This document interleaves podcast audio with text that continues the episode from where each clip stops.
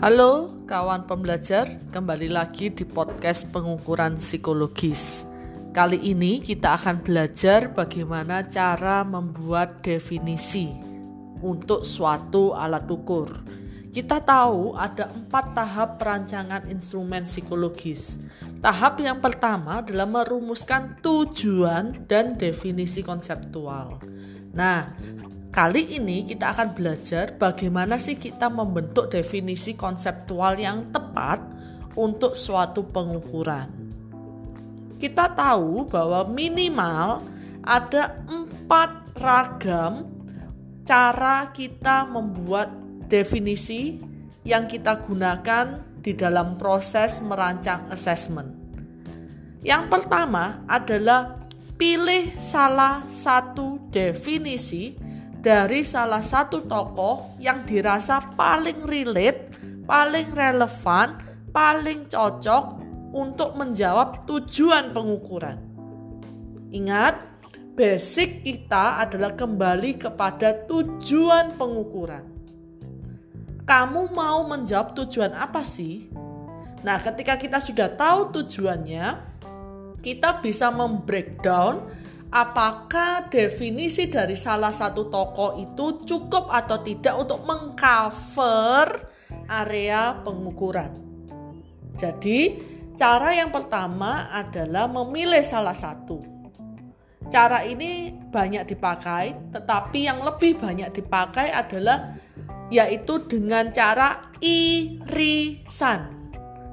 Simpulan definisi untuk sebuah assessment yang kita develop kita pilih berdasarkan kata yang selalu dimunculkan oleh tokoh-tokoh lainnya. Jadi tokoh A ngomong itu, tokoh B ngomong itu, tokoh C ngomong itu.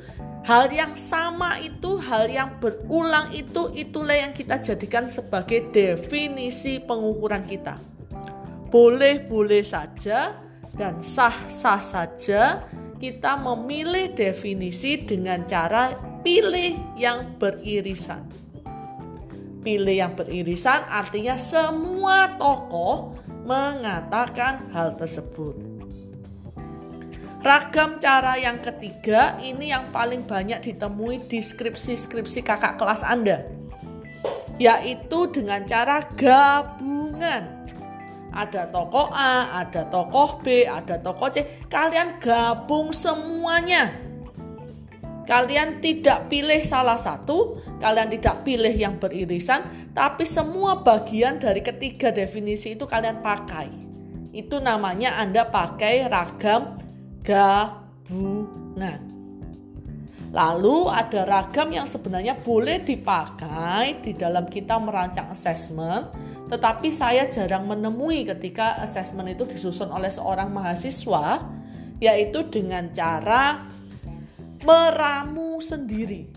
Toko A, toko B, toko C, kalian merasa tidak ada yang cocok untuk menjawab tujuan Anda, dan Anda mengusulkan definisi baru untuk menjawab tujuan pengukuran Anda. Itu boleh-boleh saja, dan itu bisa dilakukan. Teman-teman, ada empat perlakuan. Yang pertama kita pilih salah satu, yang kedua kita pilih yang beririsan, yang berulang, yang ketiga kita gabungkan semua, atau ketika tidak ada yang cocok sama sekali kita buat definisi baru. Ada empat. Nah, untuk proses pembelajaran teman-teman seharusnya mencoba keempat ragam penentuan definisi ini. Di dalam proses penyusunan tugas, Anda perlu tahu manakah perlakuan yang cocok untuk menentukan definisi. Oke, salam belajar.